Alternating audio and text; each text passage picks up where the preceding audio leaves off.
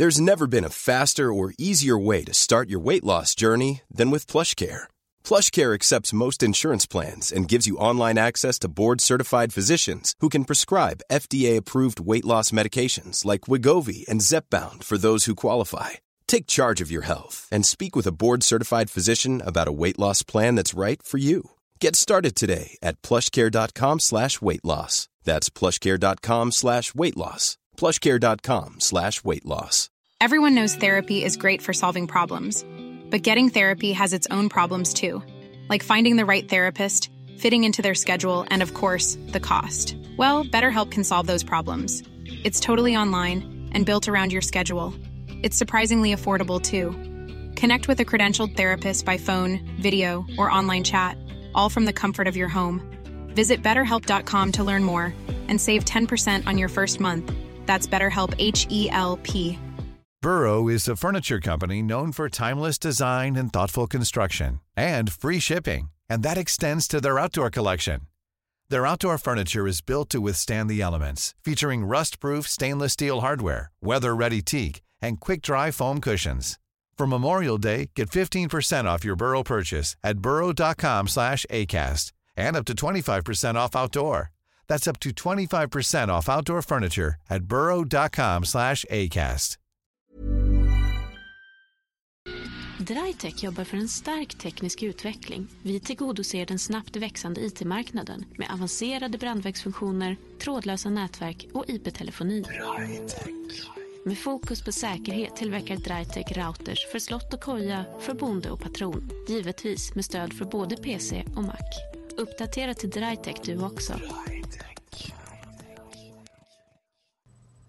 Macradion presenteras också i samarbete med macfeber.se.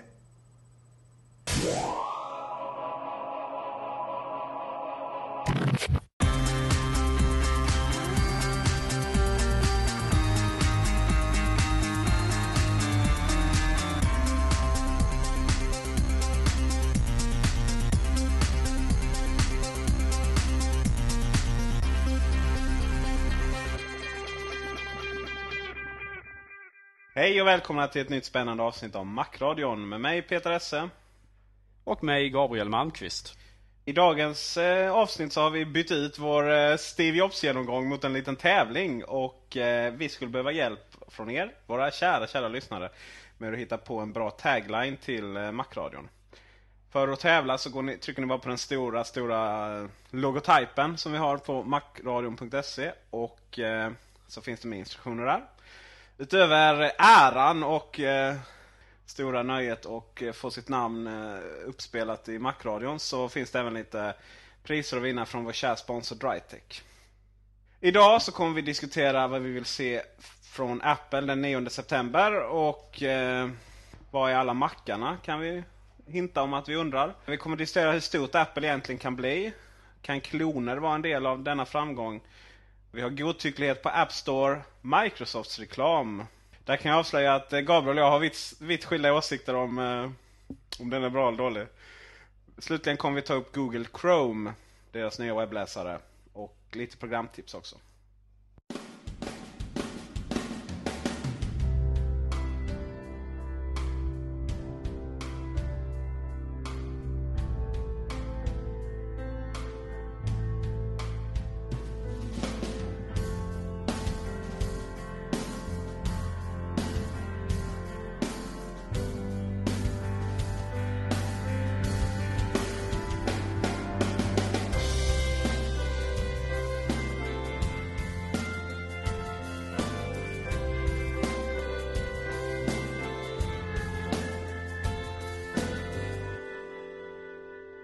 Den 9 september då eh, kommer Apple ha ett litet special event. Och på inbjudningskorten står det Let's Rock. Lägger man ihop ett och ett så blir det oftast två i Apple-sammanhang. Och eh, det betyder också att vi kommer att få se iPodar. Samt möjligen iTunes 8.0. Och det har vi diskuterat innan vad vi vill ha. Men vi tänkte fördjupa lite det och fråga oss vad vill vi se på tisdag? Gabriel? Ja, eh, vad det ryktas om nu, som du säger, nya iPodar. Det har ju dykt upp bilder på potentiellt ny iPod Nano som verkar lite spännande. Där man ju återgår till den kanske lite eh, smalare formen på eh, själva spelaren. Eh, tidigare var de ju smala, sen så blev de lite tjockare, lite rundare och så nu funderar man väl kanske på att återgå till de smala igen. Jag föredrar den här nya, eller nygamla, det här nygamla utseendet framför det som vi har haft tidigare. Ja, det får man ju verkligen säga. Jag har alltid tyckt att den eh, lilla tjocka runda gubben har varit apful. Givetvis ja, snyggare. den kallades ju Fat Nano. Ja, det är kanske inte speciellt eh, smickrande smeknamn. Givetvis är den snyggare än alla andra MP3-spelare. Men det är ändå så att vi håller lite högre standard här i, i vår lilla sandlåda. Men vad, vad tycker du om den här nya rundade formen då? Jag tycker den verkar väldigt fräsch. Designen verkar väldigt bra och eh, de verkar ju ha arbetat på färgerna också. Eh, ryktena säger ju och tycker jag bilden bekräftar också att färgerna ska vara mer liksom eh, på något sätt mer intensiva eller vad man nu ska kalla det. Så att jag, jag, tycker formen, formen och färgerna verkar väldigt, väldigt trevliga. Man har ju bara sett en orange hittills. Om det, just det, om det nu är den orangea och det är ingen som har byggt ihop något med avancerat papper. Så är det ju ändå, det är inte så mycket regnbågsfärger i alla fall. Eller skiftande. Nej, tack och lov för det. Va? Men alltså jag tror att eh, det här verkar mer eller mindre bekräftat nu. Det är flera ryktessajter som går ut och säger att det här är autentiska bilder. Så att jag tror inte att dess eh, autenticitet egentligen är i, i större, i, betvivlas något större. Nej, och eh, formen är i alla fall, eh, det är till och med så att eh, på Macfeber la vi upp eh, bilder som vi hade fått tag i själva på eh, hur fodralen skulle se ut. Så att ja, man kan väl säga med 99% säkerhet att, att de blir så. Och det gillar ja, vad Apple gör här det är alltså att man skickar ut eh, dimensionerna, någon slags beskrivning av hur den kommer att se ut rent dimensionellt till tillverkare utav eh, typ skal och så vidare, tredjepartstillverkare. Och så de kan börja producera eh, tillbehör till den här innan den faktiskt är släppt. Så att eh, tack vare det så, så läcker ju oftast dimensionerna på de nya apparaterna ganska tidigt och man kan eh, gissa sig fram till hur den kommer att se ut.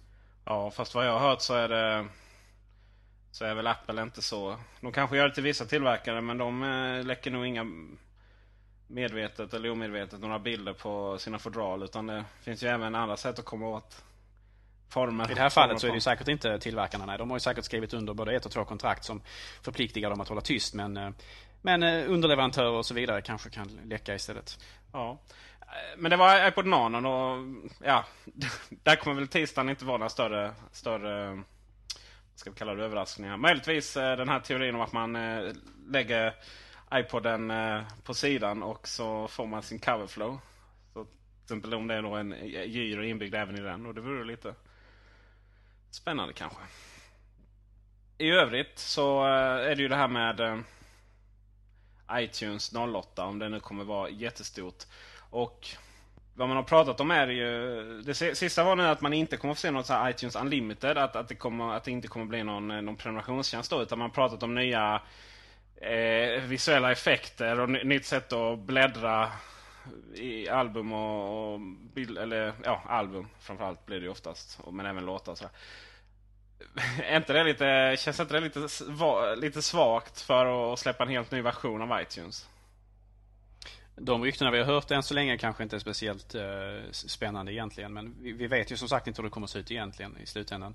Eh, som du säger, lite nya sådana här eh, bildeffekter och sådär kanske inte jättespännande. Men eh, om det blir några nya sätt att hur man hanterar musiken. Någonting i stil med eh, alltså något, något nytt sätt att ha coverflow så är det lite spännande åtminstone. Det lite spännande. Coverflow när den var kul, var, när den kom ut var ju väldigt eh, innovativt. Ja, den är rolig att kolla på och visa upp sin mark. Men det är ju ingenting man använder i, i praktiken egentligen. I alla fall inte jag.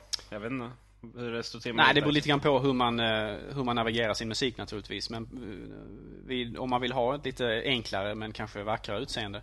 Exempelvis när man har fest hemma och så vidare. Så kan det vara ett ganska bra sätt att använda tycker jag. Mm. På tal om fest, har du använt eh, party, vad heter den? Partylistan? Spel, partyblandning heter den va? Den funktionen som eh, där det, i iTunes där de, eh, det markeras lite mer och man ser vilka låtar som ska slumpas fram. Är det något? Ja, jag har ju testat det några gånger. Ja, det är, är, är något använt på dina fester i praktiken? Men... Egentligen inte. De flesta människor tenderar ju att liksom välja låtar rent manuellt också. Så att... Ja, eller slåss om vilka låtar som ska spelas. Det är också en klassiker. ja. På tal om att välja låtar. Och Genius var ju en funktion som pratade om. Att man... Ett nytt innovativt, som det alltid heter, sätt att eh, få reda på vilken musik man gillar eh, innan man ens visste det. Och det kan ju vara lite häftigt faktiskt om man... Eh, som fungerar bättre då än, än vad heter den funktionen nu? Just for you eller något sånt där va? I iTunes Store. Att den går igenom vad man har, man har för musik och sen så visar den eventuella artister då som, som den tror passar. Men jag har ju aldrig känt att den liksom har upptäckt någon ny musik. Jag menar om, om jag nu gillar Britney Spears så kanske den som exempel då vill jag givetvis tala om va. Jag är ingen större fan. eh, det märks, ni som, ni, ni som klagade på musiken i förra avsnittet vet nog vad jag gillar för musik i alla fall. Men i alla fall, eh, om man nu gillar Britney Spears kanske inte helt eh, långt ifrån att man kanske också gillar all, allt annat eh, white trash pop som går på MTV liksom.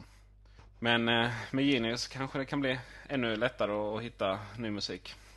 Kan du förklara vad det här Genius egentligen går ut på? Jaha, du, eller ja, det kan ju finnas någon som inte ens vet det. Nej, det är samma sak egentligen fast ännu mer avancerat. Är det inte så? Har jag, okay.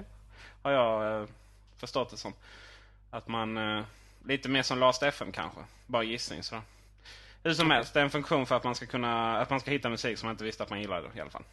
Baserat på det man redan eh, har i sin, sina bibliotek. En sak som, eh, jag vet inte om du har klagat på det, men många andra är ju liksom, var är mackarna? Det har varit mm. mycket iPhone. Väldigt mycket iPhone till och med. Det vet vi själv. Vi har pratat väldigt mycket om den enheten och när man skriver sina andra nyhetsställen så det blir mycket, mycket iPhone. Och alla RSS-feeder man får in i iPhone, iPhone och åter iPhone. Och nu är det iPodar. Så då är ju frågan, var är alla mackarna, Gabriel? Ja, vi väntar ju på dem, eller hur? Väldigt eh, otålmodigt. Men eh, man tror väl att eh, någon gång i oktober så ska det komma ut lite nya eh, maskiner. Eh, lite nya bärbara kanske, framförallt eh, Macbook och Macbook Pro kanske främst då, som kommer uppdateras. Eh, men vi, vi väntar naturligtvis eh, otåligt. Vad ser du mest fram emot? Det du inte vet i oktober eller det, eller det du vet på tisdag? Jag är inte på jakt själv efter en ny iPod kan jag ju säga, men det är alltid kul att de uppdaterar. Ehm, så att ehm, de som vill ha det senaste kan köpa det senaste och så vidare. Mm. De där härliga trendsättarna. Mm. Då är ju frågan hur stort kan Apple bli egentligen med dem, oss och alla andra? Är det toppen av ett isberg eller är det bara början på backen? Nu har jag slut på, slut på metaforer här men hur stort kan Apple egentligen bli? Vad tror du Gabriel? Det är ju väldigt svårt att säga men eh, faktum är ju att Apple växer ju så det knakar. Eh, man säljer fler och fler Macintosh-datorer varje år. Eh, man gör ju jättemycket pengar på både iPod naturligtvis och iPhone. Eh, så visst, jag tror det finns mycket tillväxtmöjligheter. Huvudsakligen kanske vad gäller iPhone då och eh, till viss del också Macintosh. Eh, iPod dominerar ju redan eh, den eh, sektorn av eh, den tekniksektorn nästan totalt. Så att jag vet inte hur mycket, mycket tillväxtmöjligheter det finns där egentligen. Eh, det är i så fall till befintliga kunder och nya marknader såklart. Men eh, just anledningen till att vi ser så mycket iPhone, eh, nyheter från Apple och så vidare. Det är ju naturligtvis för att man vet om att där finns det enormt stora tillväxtmöjligheter för företaget att göra. Ehm, och ehm, även tror jag vad gäller Macintosh, eh, den har framtiden för sig. Uträknad för inte så många år sedan men eh, tillbaka ja. rejält. Men om vi delar upp det lite, vi kan ju börja med iPhone då. Va? iPhone är en hel, helt olik marknad jämfört med datorerna och helt olika spelregler och så vidare. Datorer har man egentligen bara en stor fiende man tittar åt. Kallade det Wintel innan men nu är det väl bara Windows egentligen. Va? Men eh, medan iPhones finns det, finns egentligen ingen riktigt, riktigt stor på det sättet som dominerar. Nokia all ära men eh, de har inte alls den eh, dominansen som, som Microsoft har. Så om vi börjar med iPhone. Vi såg ju nu senast att eh, Apple Sverige utannonserade olika iPhone-tjänster eh, till sitt kontor. Bland annat eh, eh, Mystery Shopper som ska gå runt i butiker och, eh, och se så kidsen kan sälja sina iPhones eller vilka nu som säljer. Och det var upp till 75 procent. Det vill säga rätt många timmar om dagen. Det är väldigt många butiker. Så att, eh, det, och, och, det var väl även Baltikum och så vidare. Va? Och sen är det ju det här va, att i och med att den är helt ny. Men den har, den har ju sålt 10, 10 miljoner bara på, bara på ett kvartal. Det är hälften av alla, halva, det är hälften av alla Symbion-telefoner under samma tid det är ju svårt att säga framtiden men, men att, att iPhone skulle bli en marginell produkt som bara är 1% av smartphone-marknaden. Det verkar väl som att det inte riktigt är sant. Sen tror jag också att eh, alltså smartphone-marknaden i sig är ju inte så kanske jättestor jämfört med den stora mobilmarknaden. Men jag tror att iPhone tilltalar även folk som inte bara är ute efter en smartphone utan en telefon överhuvudtaget. För den är ju väldigt lättanvänd även bara om man typ ringer och skickar sms och sådär. Och den har ju den förmågan att den just eh, låter vanliga människor, vanliga användare, använda sig kanske mer och mer och mer utav just smartphone-funktionerna. Så att eh, ja, iPhone eh, är på väg skulle jag tro. Det är rätt intressant. Mycket stor. Ja, det är rätt intressant. Man pratar med lite äldre människor Eh, som bara vill ha en telefon med väldigt stora knappar. Och eh, är det något iPhone har så är det ju väldigt stora knappar i alla fall. Om man nu hittar till dem. För andra fördelar med iPhone som många då liksom det här jargongen man sitter hemma eh, och i, i stugorna och pratar mobiltelefoner och är det här liksom varför ska det finnas massa av funktioner på telefonen som man inte använder och så vidare. iPhone har ju inga funktioner som man inte använder inom situationstecken men det finns i alla fall alla funktioner går att använda till skillnad mot en vanlig mobiltelefon där det är upp till operatören då va. Men man slänger in allt ändå och sen så får man då så får man då välja vad som ska gå att använda. Det här har vi pratat om tidigare. Det är liksom Apples styrka och storhet att man fokuserar på vissa funktioner och gör dem bättre helt enkelt istället för att lägga in allt. Men fördelen med iPhone är också det att du kan ju själv lägga till funktioner via App Store sedan så att du kan utveckla den allt eftersom att du som användare utvecklas. Och det är ju något som inte är enkelt på många andra telefoner men det har ju Apple verkligen lyckats med här. Så där finns ju också en enorm potential. Ja, de, det har de ju verkligen lyckats med. Och nu är det ju både Google och uh, Windows Mobile som uh, ja, företagen bakom som annonserar efter uh, att, att de här funktionerna kommer. Men Apple kommer ju alltid för evigt vara de som införde det. Möjligheten att enkelt ladda hem nya program till sin telefon. Så att, eh, ja om några år så inte jag alls eh, skulle inte jag alls vara förvånad om Apple är en oerhört stor dominerande eh, har en oerhört stor dominerande ställning på mobilmarknaden. Men datorer eh, å sin sida, där går det uppåt. Men det går inte uppåt riktigt lika snabbt. Men eh, nu senast så visade det sig, eller Gartner, de största, några av de största analytikerna i USA, de räknade ut att Apple har en marknadsandel där på 7, mellan 7,5 och 7,8 procent. Av nydatorförsäljningen. I USA då, märk väl. I USA. Det är väl den som räknas, är det inte det? Nej. ja, alltså det är ju strålande siffror naturligtvis. Eh, det, det, kan man inte säga så mycket om egentligen. Men Apple eh, är ju starka i USA av, av, historiskt sett också. Eh, de är ju kanske inte lika starka i Europa som de är i USA. Åtminstone inte i alla länderna. Och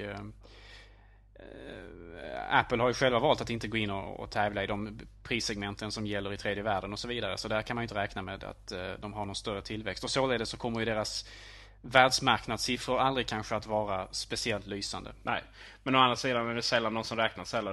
Eh, men om man kollar på Europa, bara i Sverige. Jag som har eh, jobbat inom eh, återförsäljarbranschen. Nu ska vi inte avslöja några, några siffror som har sagts där i förtroende. Men det pekar ju uppåt om man säger så, även i det här landet. Och inom skolförsäljningen så är det helt fantastiskt. Eh, det finns hela kommuner som bytt ut eh, det, det elever som har datorer i skolan får mackar istället.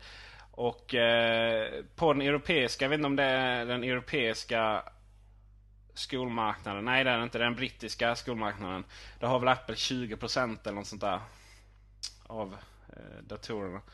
Så att det är väldigt vackert. Om man det, Statistik är statistik och man kan dela upp det på olika sätt. Va? Det är som du säger, om man ser på världen i helhet så är det ju lika med noll. Men ser man på egentligen de segment som vi verkar i och vi, som vi tycker är intressant så är det betydligt bättre. Och då är frågan, hur stort kan det bli där Gabriel? Kan, kan vi få se att de är uppe i 20%? 30-50? Vill vi ens att de är, går nå över 10? Liksom? Det är ju också inte självklart. Ja, det är ju frågan alltså man får ju också tänka så här att Microsoft har ju liksom en, en, extremt dominerande ställning på den här marknaden. Och man gör ju, Microsoft har ju uppnått den här till viss del genom att man försöker verkligen att tillfredsställa alla, alla tänkbara parter. Och det innebär ju naturligtvis att operativsystemen som de utvecklar och tillverkar eh, Eh, kanske blir eh, för anpassade för för mycket olika saker och, och mister på något sätt sin, sin smidighet och inte lika strömlinjeformade på något sätt. Så att eh, frågan är naturligtvis om det är önskvärt för Apple att, att som du säger, få så här stora marknadsandelar. jag menar Apple tjänar jättemycket pengar idag. Det finns ingen som helst risk för att Apple ska gå i konkurs de närmsta tio åren. Eh, och eh, det finns ju naturligtvis en kritisk gräns också man ska ha i åtanke. Så att om, om Apple får bara kanske 1% av världsmarknaden och liknande. Va? Så kanske det blir problematiskt därför att då, då frågar sig väldigt många programvaruutvecklare om det är lönt att utveckla till Macintosh. De som äh, arbetar med sajter på internet, typ banker och så vidare, frågar sig om det är lönt att utveckla till Safari och sådär. Ehm, men så länge man har en viss äh, användarbas, en viss procent, jag har svårt att säga hur mycket, men Eh, av, av den utvecklade världen så, så tror jag att Apple inte behöver vara oroliga för att åtminstone gå, gå, gå omkull. Och eh, fördelen här är naturligtvis iPhone då som ju även använder sig av Safari vilket innebär att Safari-spridningen eh, för webbläsare är ju viktiga eh, ökar ju markant. Och sen finns ju Safari nu även till Windows såklart. Eh, sen, men sen är det inte bara så att säga marknadsandelar. Eh, utan det är också vilken eh, hur det går. Så att säga. Man kan ha man kan ha 20% på väg neråt och man kan ha 8% på väg uppåt. Och det spelar också roll eh, om man vill satsa på plattformen. Det finns företag som gör investeringar med om inte 10 år i alla fall 5 år. Eh, när, när, man investerar i sina datorparker och så vidare va? och lägger ut strategier. Så det är väl eh, det är väl inte helt lätt.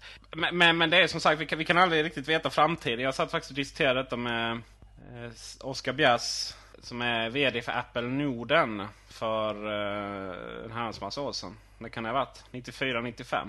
Då, frågade, då så ställde jag den frågan, eh, eller vi ställde frågan han också då. Va? Är toppen nådd nu? Och det var den ju uppenbarligen inte. Utan vi har ju fått se ganska stora... Det har ju hänt ganska mycket på de här fyra åren. Den som lever får se. Men du hade eh, en grej du ville ta upp som, som relaterar till den här diskussionen. Att man kanske behöver ta hjälp av andra. Ja, alltså nu i veckan så publicerades det en artikel på eh, Ars Technica. Eh, en artikel eh, skrivet, skriven utav en, eh, en, en karl vid namn Don Reisinger. Eh, som heter Time for a Change. Och i denna då så eh, argumenterar författaren för att Apple kanske borde börja eh, tillåta licensierade kloner. Vi pratade i förra veckan om att eh, Apple ligger just nu eh, i, en rättslig åtgärd mot ett företag som heter Psystar som tillverkar inofficiella Macintosh-kloner. Och, och, frågan är då huruvida Apple ska faktiskt tillåta en tredjepartstillverkning av Macintosh-datorer för att kunna nå, nå ut i andra marknadssegment. Det är ju inte första gången som som detta har diskuterats och det är förmodligen inte sista gången heller. Apple har ju tidigare faktiskt haft en klonverksamhet under 90-talet. Eh, det var ju så här att eh, 95 så släppte eh, Microsoft Windows 95 och den ansågs ju så tillräckligt bra och så tillräckligt lättanvänt så att väldigt många, både användare och utvecklare, började fundera på om inte det var dags att överge Apple och det klassiska Mac OS då. Eh, därför att eh, Microsofts produkter helt enkelt hade blivit tillräckligt bra. De hade tillräckligt mycket avancerade funktioner eh, och så vidare. Ehm, och i de här desperata åren som, som följde då så började Apple med ett klonlicensieringsprogram där man då tillät andra att tillverka Macintosh-datorer. Bland annat så tillverkades de utav Power Computing, Motorola, Daystar Digital och ett företag som heter Umax.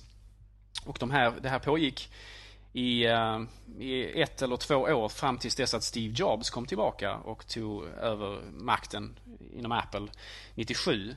Då han valde att uh, i princip skrota det här programmet direkt. Um, för, för tanken var med klonerna från början att, att de prissegmenten där Apple inte kunde tävla, alltså i de lägre prissegmenten, så förväntade sig, eller förhopp förhopp, fanns det en förhoppning inom Apple att de här klonerna skulle gå in och, och tävla istället och stjäla marknadsandelar från Windows genom att tillverka billigare datorer.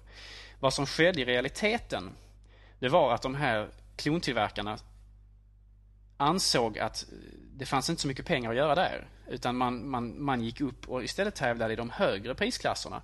Där Apple tjänade sina pengar. Så de här klonerna gick ganska bra. För att de erbjöd då datorer som skilde sig från Apples. De var mer expanderbara och kanske kraftfullare också. De var både kraftfullare och billigare? alltså marknad. Eh, förlåt? De var både kraftfullare och billigare alltså? Ja, det, det, var de väl till viss del, men det, det var ändå i samma prissegment så att, så att de, de, de, de stal väldigt många användare från Apple och det innebar att Apple helt plötsligt inte kunde sälja datorer varken i de lågprissegmenten eller de lite högre prissegmenten. Och det var naturligtvis ohållbart i längden. Hur gjorde man så med de här klonerna? Det var väl också ja, lite alltså, diskussion över det, om det var särskilt snyggt gjort? Det kan man ju naturligtvis diskutera. Det fanns en, en, en, ett kontrakt naturligtvis med de här klonerna som sa att de hade rätt att licensiera MacOS 7. Men det stod ingenting om att de hade rätt att licensiera framtida versioner.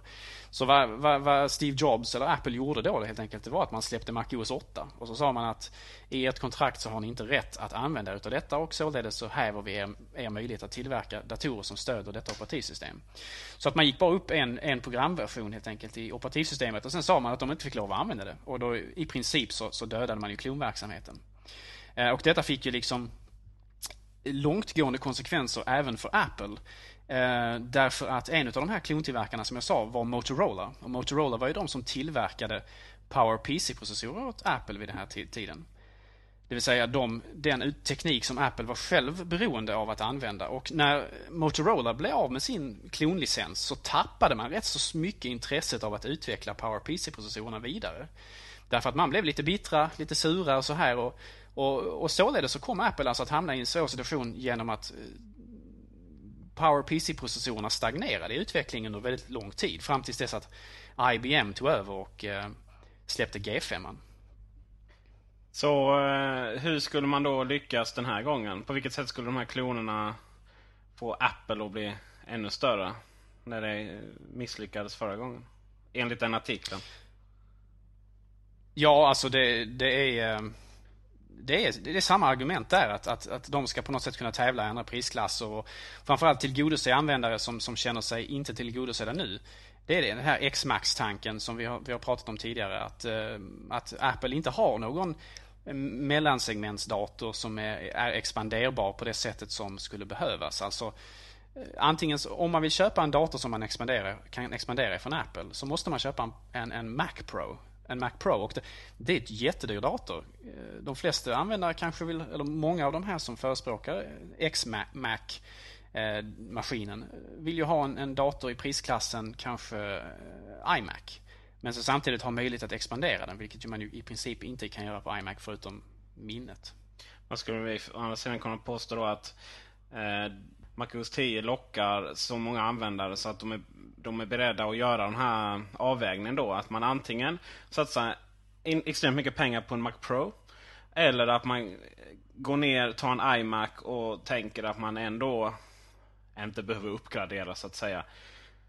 Och alla de som gör detta idag skulle ju faktiskt eh, Apple skulle ju faktiskt tappa dem. Och då är frågan hur, vilken, hur stor del av Apples kundkrets som faktiskt gör den här avvägningen. Jag tror att det är rätt många och att det då skulle, klontillverkningen då skulle inverka rätt mycket på Apples sålda datorer i alla fall. Det är rätt så intressant det här med, med Steve Jobs och hans sätt att han handskas med sina samarbetspartner. Eh, det finns ett, ett väldigt klassiskt, eh, en klassisk historia från tiden där, där Steve Jobs sitter i ett sammanträde med Motorola-chefer och då sitter de och förhandlar fram hur de ska utveckla nya processorer till Apple. De behöver nya PowerPC-processorer och så vidare. Och då lackar Steve Jobs ur så till den milda grad att han ställer sig upp och skriker till de här cheferna att jag, jag längtar till den dagen då vi inte längre är i behov av era produkter längre. Uh, vilket naturligtvis chockar de här uh, Motorola-anställda rätt så rejält. För så, så gör man liksom inte i en civiliserad värld, ansåg ju naturligtvis de. Nej, det är väl många som Återigen ett sätt för... Uh, det, det, det, här har vi liksom ett typiskt bevis på hur Steve Jobs liksom agerar. Han, han kan vara charmig och, och tillmötesgående men så samtidigt när det väl det krävs eller så vidare så kan han vara en, en otrevlig jävel alltså. Det finns ju rätt många historier om det där. Dels det här med att eh, så vitt jag vet så fanns det möjlighet att teckna livstids eh, supportavtal med Apple en gång i tiden. Och när eh, Steve Jobs så och det här eh, det är väldigt viktigt att, veta, eh, att förstå att det här är saker som man har läst på internet och allting man läser på internet är inte sant. Va? Men i alla fall. Eh, han, eh, han, Steve Jobs förstod ju med rätta att livstids supportavtal kostar ju lite väl mycket pengar. Det fanns väl de som ringde dagligen antar jag. Och eh, Så han ville väl skrota detta och när han fick frågan internt varför, eller hur man hur kan man göra så här mot kunderna? Då var väl bara svaret uh, fuck them. Så var det liksom. Sen finns... Vilken vältalighet. ja, verkligen. Sen finns det andra saker då. Han till exempel uh, när iPhone utvecklades så uh, sägs det att det fanns modeller där man tog en vanlig iPod. Och eh, så blir scrollhjulet såklart ett sånt här analogt eh, nummer, nummerhjul då. Och eh, när, när de hade visat den här första prototypen för Hey, I'm Ryan Reynolds. Recently, I asked Mint Mobile's legal team if big wireless companies are allowed to raise prices due to inflation. They said yes. And then when I asked if raising prices technically violates those onerous two-year contracts, they said, "What the f*** are you talking about? You insane Hollywood ass." So to recap, we're cutting the price of Mint Unlimited from $30 a month to just $15 a month. Give it a try at mintmobile.com slash switch. $45 up front for three months plus taxes and fees. Promoting for new customers for limited time. Unlimited more than 40 gigabytes per month. Slows. Full terms at mintmobile.com. I'm Sandra, and I'm just the professional your small business was looking for. But you didn't hire me because you didn't use LinkedIn jobs. LinkedIn has professionals you can't find anywhere else, including those who aren't actively looking for a new job, but might be open to the perfect role, like me. In a given month, over 70% of LinkedIn users don't visit other leading job sites. So if you're not looking on LinkedIn, you'll miss out on great candidates like Sandra. Start hiring professionals like a professional. Post your free job on linkedin.com/people today. Burrow is a furniture company known for timeless design and thoughtful construction and free shipping, and that extends to their outdoor collection. Their outdoor furniture is built to withstand the elements, featuring rust-proof stainless steel hardware, weather-ready teak, and quick-dry foam cushions. For Memorial Day, get 15% off your Burrow purchase at burrow.com slash ACAST and up to 25% off outdoor. That's up to 25% off outdoor furniture at burrow.com slash ACAST. Everyone knows therapy is great for solving problems, but getting therapy has its own problems too, like finding the right therapist, fitting into their schedule, and of course, the cost. Well, BetterHelp can solve those problems. It's totally online and built around your schedule. It's surprisingly affordable too. Connect with a credentialed therapist by phone, video, or online chat, all from the comfort of your home. Visit betterhelp.com to learn more and save 10% on your first month. That's BetterHelp, H E L P. Hey Dave. Yeah, Randy. Since we founded Bombus, we've always said our socks, underwear, and t shirts are super soft. Any new ideas? Maybe sublimely soft. Or disgustingly cozy. Wait, what? I got it. Bombus. Absurdly comfortable essentials for yourself and for those facing homelessness. Because one purchased equals one donated. Wow, did we just write an ad? Yes. Bombas. Big comfort for everyone. Go to bombas.com slash ACAST and use code ACAST for 20% off your first purchase. Steve Jobs. Så att han bara helt tyst. Och detta då ska ju varit ännu värre än när han eh, brusar upp och, och kallar folk idioter. För att om Steve Jobs är helt tyst då, då är han inte imponerad. Då är det bara att lämna in namnbrickan och, och tömma sitt skrivbord. Men det är väl någonstans det här, det här de här psykopat... Om det här... Som sagt, vi vet ju ingenting om hur hur det är att jobba på Apple. Va? Men vi kan ju bara anta... De här psykopatiska tendenserna har man ju kunnat se hos andra chefer också. Va? Men det är väl den som gör att vi sitter här med och älskar våra produkter ändå. För att man inte släpper något som är skit. En del utav drivkraften onekligen. Eh, det finns ju eh, historier eh, anställda inom Apple som råkat hamna Eh, ensamma i hissen med Steve Jobs. Och då, då, då, är de ju jättenervösa för de vet ju inte om de ska lämna hissen som anställda vid företaget eller inte. Alltså det, han kan vara väldigt eh, problematisk att ha att göra med. Man får inte säga fel saker. Nej. Nu senast förresten eh, så någon har lagt upp en webbsida där man hade fotograferat Steve Jobs Mercedes. Som förut kostar någon miljon dollar. Uh, parkerad där klass... Är iPod-integrationen som är så dyr? Måste vara så. Nej men att han parkerar på de här uh, handikappplatserna då. Det verkar vara ett signum. Det är ju sig mycket humor och jag tror ju han... Uh, tror ju förstås det handlar om uh, Apples egna handikappplatser och... Det finns en ganska rolig eh, historia om det här kring det tidiga Apple när, när Steve Jobs arbetade första gången när de ut, höll på att utveckla den den första eh, Macintosh vill jag minnas. Eh, det, det, var eh, en gång en programmerare som gick bredvid en av cheferna som heter Jean-Louis Gazet på Apples parkeringsplats. Och då susar Steve Jobs in i sin Mercedes och parkerar som du säger på en handikappplats mycket nära företaget på den, den parkeringen. Och då stannar de här två upp och tittar och tycker det är lite märkligt. Men då, så säger då Jean-Louis Gazet Ah, it's for the emotionally handicapped. ja.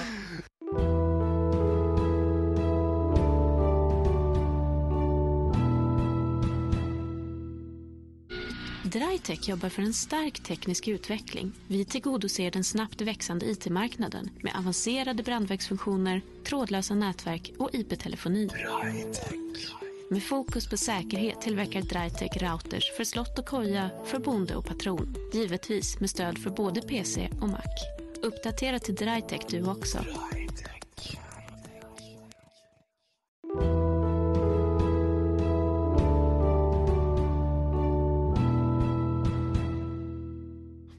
Nästa ämne att ta upp är godtyckligheten på Apple. Eh, då är det inte Steve Jobs godtycklighet utan eh, underchefers och olika divisioner. Och den här gången App Store. App Store har ju varit uppe för diskussion många gånger i många olika sammanhang nu. För, förutom att de då eh, ska ta över mobilvärlden med den så har det också handlat om att man eh, godkänner och icke godkänner program på allt eh, färre logiska grunder. Kan man säga så va? Det var Det har varit på grund av copyrightbrott. Det har varit på grund av att AT&T inte ville ha ett program som kunde dela ut internetuppkopplingen till macken. Program som kostade hur mycket pengar som helst som inte gjorde någonting och så vidare. och så vidare va? Nu senast så godkände man inte ett program på grund av att det var eh, användningsområdet var något limited, för att citera dem. Eh, och jag kan väl tycka att det är lite, lite, lite oroväckande att man helt plötsligt går in och, och bedömer vad kunderna anser eh, användbart.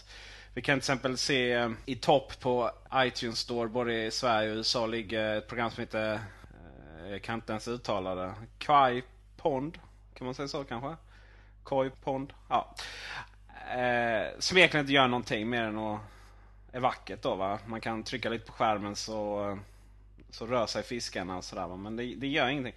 Och eh, nummer två i Sverige, ett program som heter Rulla som jag skrev själv på Macfeber. Och där var det en väldigt, väldigt många kommentarer som tyckte det var världens sämsta program som inte gjorde någonting. Syftet är att man skriver in någonting och så visas, visar det meddelandet på skärmen bara. Eh, nu ligger det tvåa. Uppenbarligen är det väldigt eh, populärt. Här i Sverige i alla fall. Så att det... det ligger tvåa kanske tack vare att du skrev om det på Macfeber Peter. Kan vara så ja. Det är du som hjälper att hausa de här värdelösa programmen. ja precis, precis. Eh, kontentan är att det måste finnas en hel del som finner det här användbart. Eh, faktum är att eh, just Rulla så skulle han ge bort 5000 innan han började ta betalt. Och nu kostar det pengar så att det är många som har laddat ner den. Det oroväckande med den här utvecklingen är ju liksom godtyckligheten i det hela. Att man bara arbiträrt går in och, och, och, och, säger att ja, vi stänger av det här programmet och eh, vi, vi lutar oss inte egentligen på några egentliga skrivna regler eh, eller restriktioner. I, utan att man går in och stänger av det bara för att man, ja, men det var ju inte speciellt användbart, det var inte speciellt bra. Eh, och, och, dessutom verkar man ju göra det inkonsekvent också eftersom du nu talar om program som faktiskt finns och som är tillåtna som inte gör någonting alls. Så frågan är ju alltså, ska Apple fortsätta med det här vilken påverkan får detta då på utvecklarna? Det, det finns ju människor kanske som, som, som, som tvekar inför att eh, tillverka program till iPhone då, som kanske hade varit en succé. Helt enkelt därför att man vet om att Apple kan gå in och inte tillåta det programmet att det publiceras. Och det vore ju naturligtvis katastrof, katastrofalt om man lagt ner kanske veckor eller eh, dagar åtminstone på att utveckla program som sedermera inte får lov att säljas. Ja, och det finns egentligen två diskussioner här. Va? Dels eh, ska man ha några, någon, någon som granskar överhuvudtaget? Och om man kommer fram till ja, och det gör vi väl nästan, va? att det ska finnas vissa regler, som vissa krav för program som ligger på App Store. Det, det kan till exempel vara vissa etiska krav. Och då tänker jag inte på blod och, och bröst då, va? utan snarare kanske inga hakkors Kanske inga, ingen antisemit och så vidare. Men också en viss utseende då. Att programmen måste uppfylla en viss logik. Eh, alltså i enlighet med grafisk gränssnitt och så vidare. Eh, eh grafisk guideline. Men då ska de här reglerna vara oerhört tydliga. Och jag har svårt att se hur man kan formulera eh, regler som eh, pratar om användbarhet ur... Eh, eller användbarhet är fel. Alltså regler som formulerar huruvida en massa användare anser det här programmet eh, nyttigt. Vi pratade ju aldrig om vad det här var för, för program och vad det gjorde. Och, och det kan vi väl göra. Det, här, det hette Pull My Finger. Och det var alltså olika sätt att få iPhonen att låta som någon fes. Vi byter ämne helt och går till Microsoft. Och eh, senaste eh, reklamgiven från detta företag. Reklamen som eh, redan innan ryktades skulle vara ett svar på Apples Get a Mac-reklam. Där, där Apple eh, dissar Microsoft till höger och vänster. Eh, och man eh, anlitade Seinfeld. Jerry Seinfeld. Från eh, samma Jerry som hade sin tv-serie för ett tag sedan. Eh, och man hade Bill Gates av alla människor med. Och nu eh, har vi fått se den här reklamen. Och först var jag lite negativ. Då rannsakade jag mig själv och tyckte att eh, det är lite, lite för klyschigt för oss Mac-användare att dissa reklamen bara för, bara för att. Men eh, Gabriel har väl en helt annan, helt annan åsikt. Så vi börjar väl med den. Alltså jag, jag, jag, tror att ditt ställningstagande här är lite av det här att du vill tvinga fram någon slags think different-attityd eh, hos dig själv. Va? Att, att du, nej men det, det känns så klyschigt så jag, jag, jag försöker gilla den ändå och försöker hitta liksom förlåtande egenskaper hos den. Jag, den här första reklamfilmen vi har sett nu tyckte jag inte var eh, speciellt intressant alls.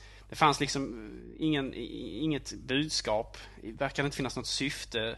Eh, nu ska det ju tilläggas att, eh, att de kommer att släppa fler reklamfilmer och att det ska vara någon slags följetong det här också. Men alltså, jag tycker ändå att Ska man göra en reklamfilm så tycker jag att varje reklamfilm på något sätt ändå måste vara ett, syf ett syfte i sig själv och att den måste ha ett, eller den bör åtminstone ha ett budskap. Tittar man på Apples Get Mac-reklamer, de är ju del av ett, ett, ett, ett större tema. Någon slags följetongsliknande. Men, men samtidigt så är varje reklamfilm fullständig i sig själv. Det finns ett budskap, det, fin det levererar liksom en poäng. Alla, alla, det, det, har ingen betydelse om man ser den första som släpptes först eller om man ser den sist eller om man ser den mittre först och så vidare. Utan det, det, liksom, det blir naturligt ändå. Medan just nackdelen med den här reklamen som då Microsoft har gjort tillsammans med, med Seinfeld eh, så, så, så, antar jag att de kommer att utveckla det så att man bör se dem i, i kronologisk ordning och det här första avsnittet tyckte inte jag var speciellt intressant. Det gav liksom inte eh, eh, någon slags... Eh, det, det, gjorde inget för mig åtminstone. Vad säger du Peter? Jag säger att det är en uppenbar, uppenbar ICA, Volvo, Telia-reklam. Alltså att man har en följetong. Eh, te, te, ska vi se här. Telia-reklamen, eh, nuvarande Telia-reklamen eh, behöver man ju inte riktigt följa då va. Det, det, man, man hänger med ändå va? och det fi finns ju vissa poäng i, i varje reklam. Volvo-reklamen där, om du kommer ihåg det. Du, du har inte tv förresten? Nej. Så att, jag tittar ju inte på tv nej. så att jag, jag är helt... Volvo-reklamen var ju där liksom hur, hur, man skulle ta sig från en motorväg in, in till någon skyskrapa i något, någon asiatisk storstad och presentera ett projekt. Helt orelevant. Visst, man åkte i sin Volvo, men det var allt. Liksom. Förra telereklamen eh, när eh, för en herrans massa år sedan. Då var det någon, någon journalist som skulle leta reda på eh, Telias mobilexpert. Och det var liksom en gåta och det fanns inga produkter, ingenting. Så uppenbarligen en sån reklam. Och, och detta, för övrigt, detta är en massa sådana reklamer som har vunnit både ett och annat guldägg. Även om svensk reklambransch, tärna tävlingar kanske inte säger allt va. Ja, det är, alltså, det är frågan då. Jag menar, det är en sak att man får pris för att de är fint gjorda eller för att de uppskattas när man ser dem på någon slags mässa. Men, men fungerar de i verkligheten? Gör de något positivt för produkten? Just det. det. Men vad är produkten? Det är det som är frågan. Liksom. I de här reklamerna, så, i de svenska reklamerna som vi pratat om, där är ju, handlar inte så mycket om produkten i sig. Utan det handlar om varumärket Telia, ICA och Volvo.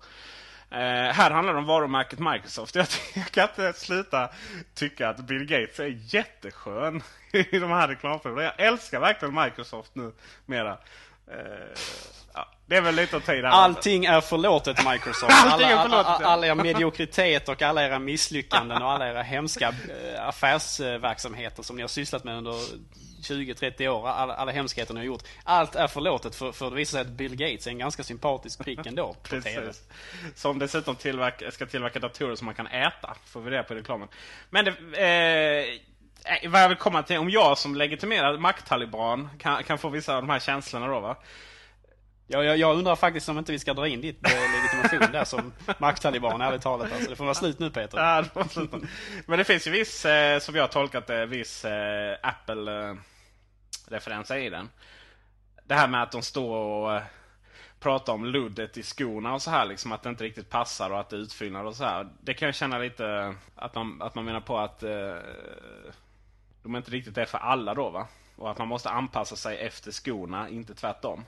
Eh, det, kan, ja, det var extremt det kan, långsökt. Det kan jag känna referens till. Jag tror inte de flesta Jag är helt övertygad om att det, att det är USA uppfattar detta. Nej, nej. Annars, det, var, det, det kanske inte är syftet heller. Men vad skulle det annars handla om? Liksom, det, är ju, det, det, är klart att ha, det är klart att ha sådana referenser. Alltså det är det som är frågan. Liksom. Vad handlar den om? Det, vad, är, vad är syftet? Det var någon som, jag läste någon analys som, som skrev att eh, att den här att man de, måste, att de håller på liksom och provar in skon och att den ska liksom passa. Man får liksom töja ut den och så vidare. Att efter ett tag så vänjer man sig vid den och att den anpassar sig till foten efter ett tag. Att det skulle vara någon slags hänvisning till Windows Vista. Att, eh, att det är problem i början men sen när man väl har vant sig vid det så kommer det liksom fungera precis som man förväntar sig och så vidare. Men det är ju extremt långsökt alltså. Ja, min referens jag, alltså, jag tror ju att det är precis som du säger då att, att, att man försöker liksom profilera om Microsoft som något eh, trevligare företag och så vidare. Att arbeta på någon slags image snarare än på liksom, enskilda produkter. Frågan är huruvida detta kommer fungera eller inte. Det, jag menar jag, jag älskade Seinfeld-serien när den gick på TV. Men jag, jag, jag, har alltid tyckt det att Seinfeld blev en succé trots att Jerry Seinfeld var med. Inte tack vare att han var med. Han var ju liksom den sämsta av de fyra huvudpersonerna som, som, som skådespelare. Ganska usel i mina ögon. Eh, och den minst intressanta av dem också. Eh, naturligtvis för att han var den mest normala av dem.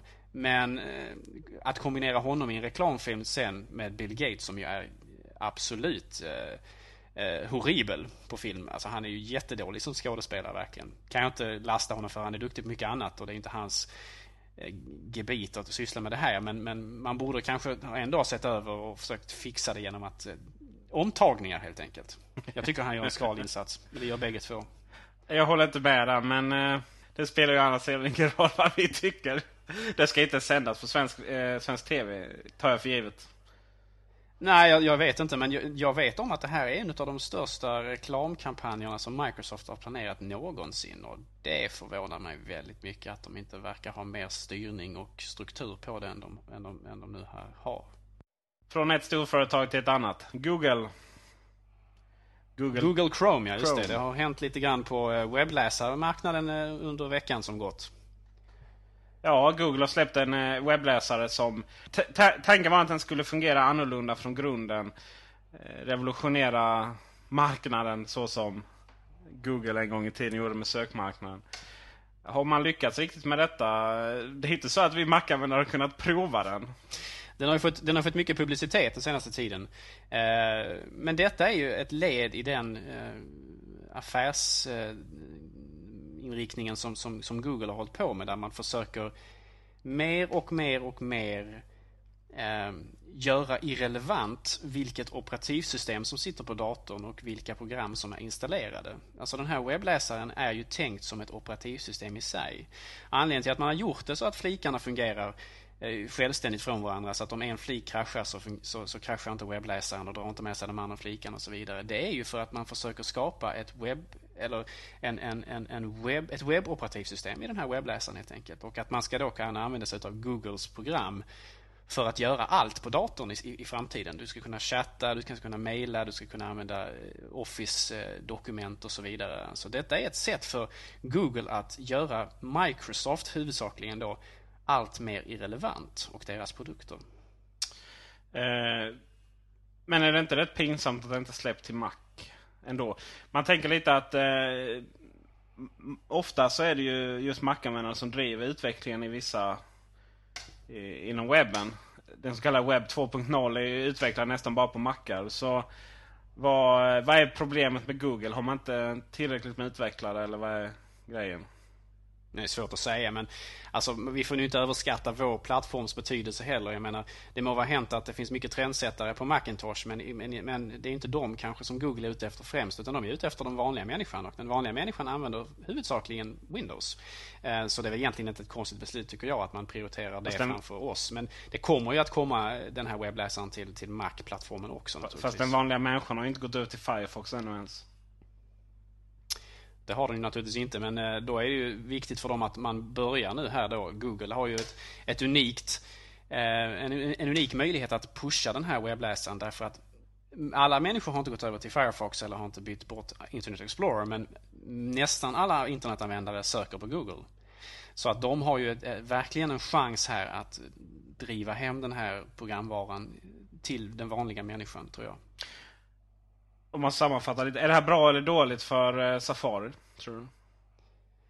Det är mycket svårt att säga. Den använder ju teknik som Safari använder och det är möjligt att den kan komma till gagn för även Apples projekt. Om inget annat så är ju den här eh, radikala eh, om, omstruktureringen av vad en webbläsare är någonting som kanske kan verka som en slags väckelsesignal för de som tillverkar webbläsare, inklusive Apple själva. Um, jag tror att den här webbläsaren är ett stort hot framförallt mot Microsoft och eh, mot deras eh, ambitioner att bibehålla Microsoft Office och, och deras program som någon slags eh, eh, standard. Eh, och jag tror att eh, Google kommer att vara farliga för, för huvudsakligen Microsoft. Men kanske till viss del också Apple naturligtvis. Men man ska ju ha i åtanke att Apple tjänar ju mest pengar på att sälja datorerna, hårdvaran. De tjänar inte lika mycket pengar på att sälja mjukvara. Det är, det är ju Microsofts eh, marknader som man kommer att angripa mest, det vill säga mjuk, mjukvarumarknaden. Vad tror du Microsofts svar på det här kommer vara? Svårt att säga. Microsoft har ju under väldigt lång tid försökt att hämma internets utveckling. Eh, därför att man har ju sedan många år tillbaka insett att just internet kan bli en så pass eh, livskraftig och stark eh, konkurrent till deras egna alternativ som exempelvis Office. När jag säger att Microsoft hämmar internet så är det inte så att de försöker döda internet eller något i den stilen men alltså hela, åtminstone en del av poängen bakom Internet Explorer och att den inte har stött de här nya standarderna som typ den senaste versionen av CSS och HTML och så vidare. Till viss del kan nog härledas till det faktumet att Microsoft inser att desto mer resurser och kapacitet man ger till webben desto lättare blir det att tillverka program som gör deras program, Office-paketet exempelvis, mer och mer irrelevant. Är det här bra eller dåligt? Eh, egentligen, man, eh, tidigare har man ju sett Microsoft som den stora jäveln. Enbart på grund av deras dominans. Jag tror inte att eh, Bill Gates och, gänget klä sig i kåpor och pentagram på golvet och sånt här. Va? Men, eh, men kommer... Man får ju ha i åtanke att Microsoft har ju gjort sig förtjänt av mycket kritik genom, genom åren på grund av hur de, hur de skött sin verksamhet och på grund av hur de har konkurrerat med, med eh, med eh, andra företag. Speciellt under 90-talet så höll de på med mycket oegentligheter. Så att de har mycket väl förtjänat att kallas, eh, kanske inte onda, men åtminstone eh, en negativ kraft på marknaden under väldigt lång tid. Det var värre förr kanske än det är idag, men de är ju mindre relevanta idag än de var förr också. Men eh, Googles inofficiella motto är Don't be evil. Frågan är, är Google de nya Microsoft ändå kanske trots allt? ja, oj. Nej, det, det, kan jag, det kan jag faktiskt inte svara på. Jag, jag, jag vet faktiskt inte. Det, ju, det, finns ju alltid en risk i de här stora företagen att, eh, att, att det utvecklas någon slags eh, kultur som Alltså, alltså, alla företag strävar ju i grund och botten efter att dominera en marknad. Det är ingen tvekan om saken. Och, eh, frågan är ju naturligtvis vad, vad, vad Google definierar som eh, ondskefullt och vad de inte definierar som ondskefullt. Det som är intressant nu är ju eh, rent generellt stora företag. De här användaravtalen som ingen läser igenom. Och som jag är ganska säker på inte ens är juridiskt bindande, i alla fall inte i det här landet. Eh, just det här med copyright och sånt där va. Eh, nu senast var det Google Chrome som eh, allt som laddades upp genom den webbläsaren så fick Google använda utan att betala några royalties eller någonting. Denna, detta användaravtal tog man bort. Dock, eller den, den paragrafen i användaravtalet tog man bort. Man, eh, Adobe hade nästan exakt samma sak via via eh, Photoshop på nätet. Alltså den här nätapplikationen som ska ha fått namn av Photoshop. Jag vet inte exakt vad den gör faktiskt. Facebook har det fortfarande. Adobe tog bort det. Facebook har kvar det. Man räknar ju med att människor ska få bli ovetande om detta. Eller obrydda. Men samtidigt så är det ju konstigt att man... Eh, uppenbarligen har man ju lärt sig att det här kommer fram. Och eh, jag har ju väldigt svårt att tro att man lägger ut...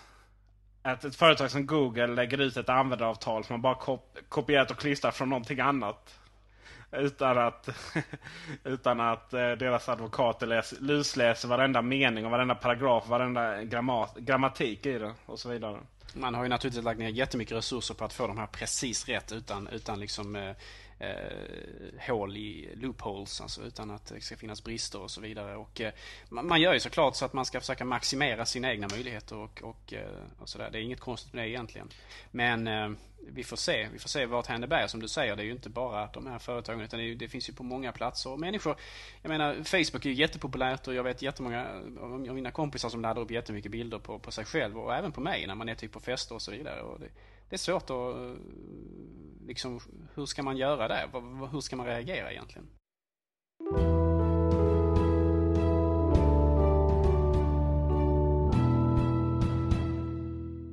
Veckans programtips. Och innan jag eh, tipsar om mitt eh, lilla program som jag har hittat. Eller fått hittat.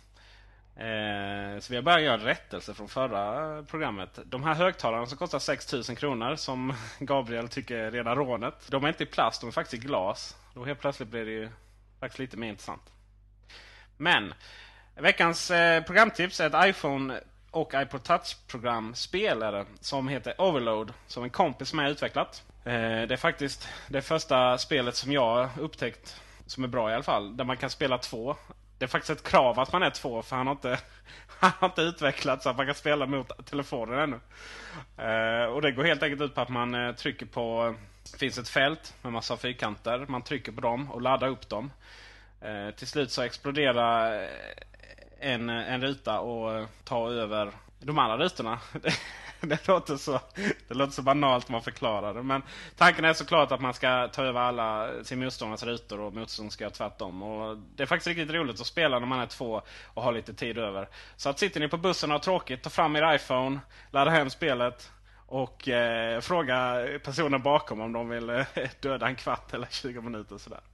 Ja, och eh, eftersom vi verkar ha ett tema idag om att prata om spel här nu då, eh, programrekommendationer, så tänkte jag också göra det. Eh, fast jag tänkte inte prata om spel för iPhone, utan ett spel till en Macintosh.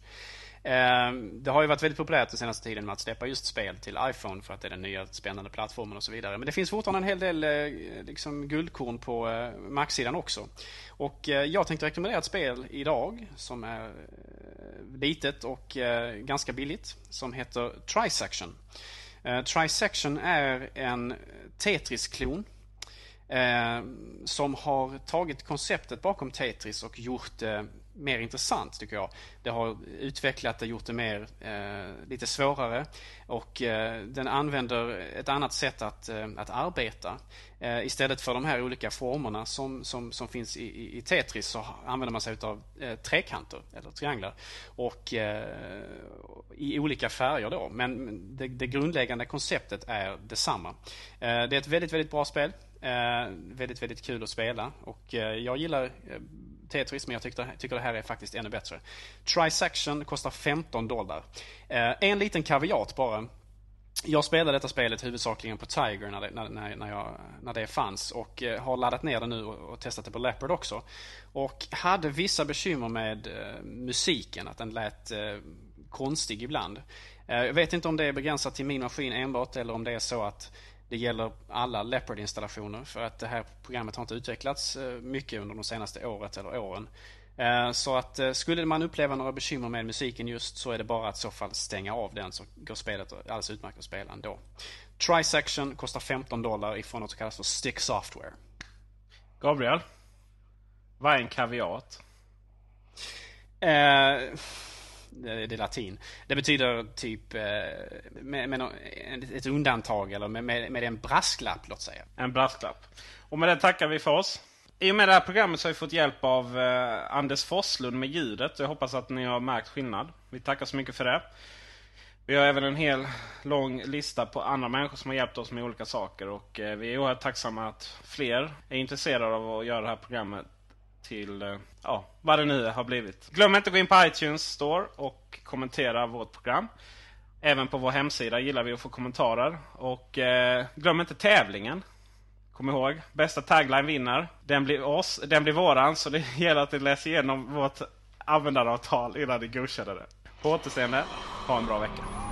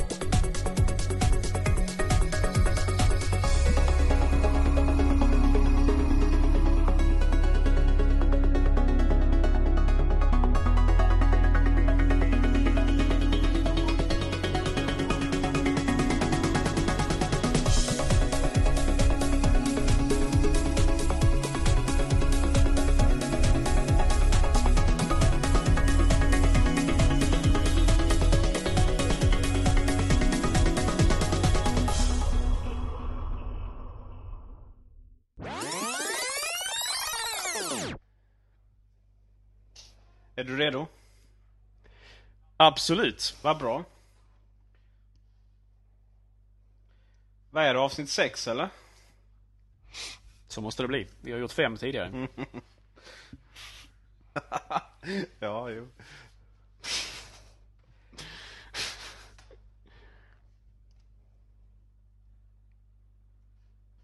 Hej och hjärtligt välkomna till avsnitt 6 av Spelradion. Macradion är det ju för fan. Nej, för fan Spelradion. Jag har Aj, intervjuat aj, aj. dem, det är därför. Ja, okej.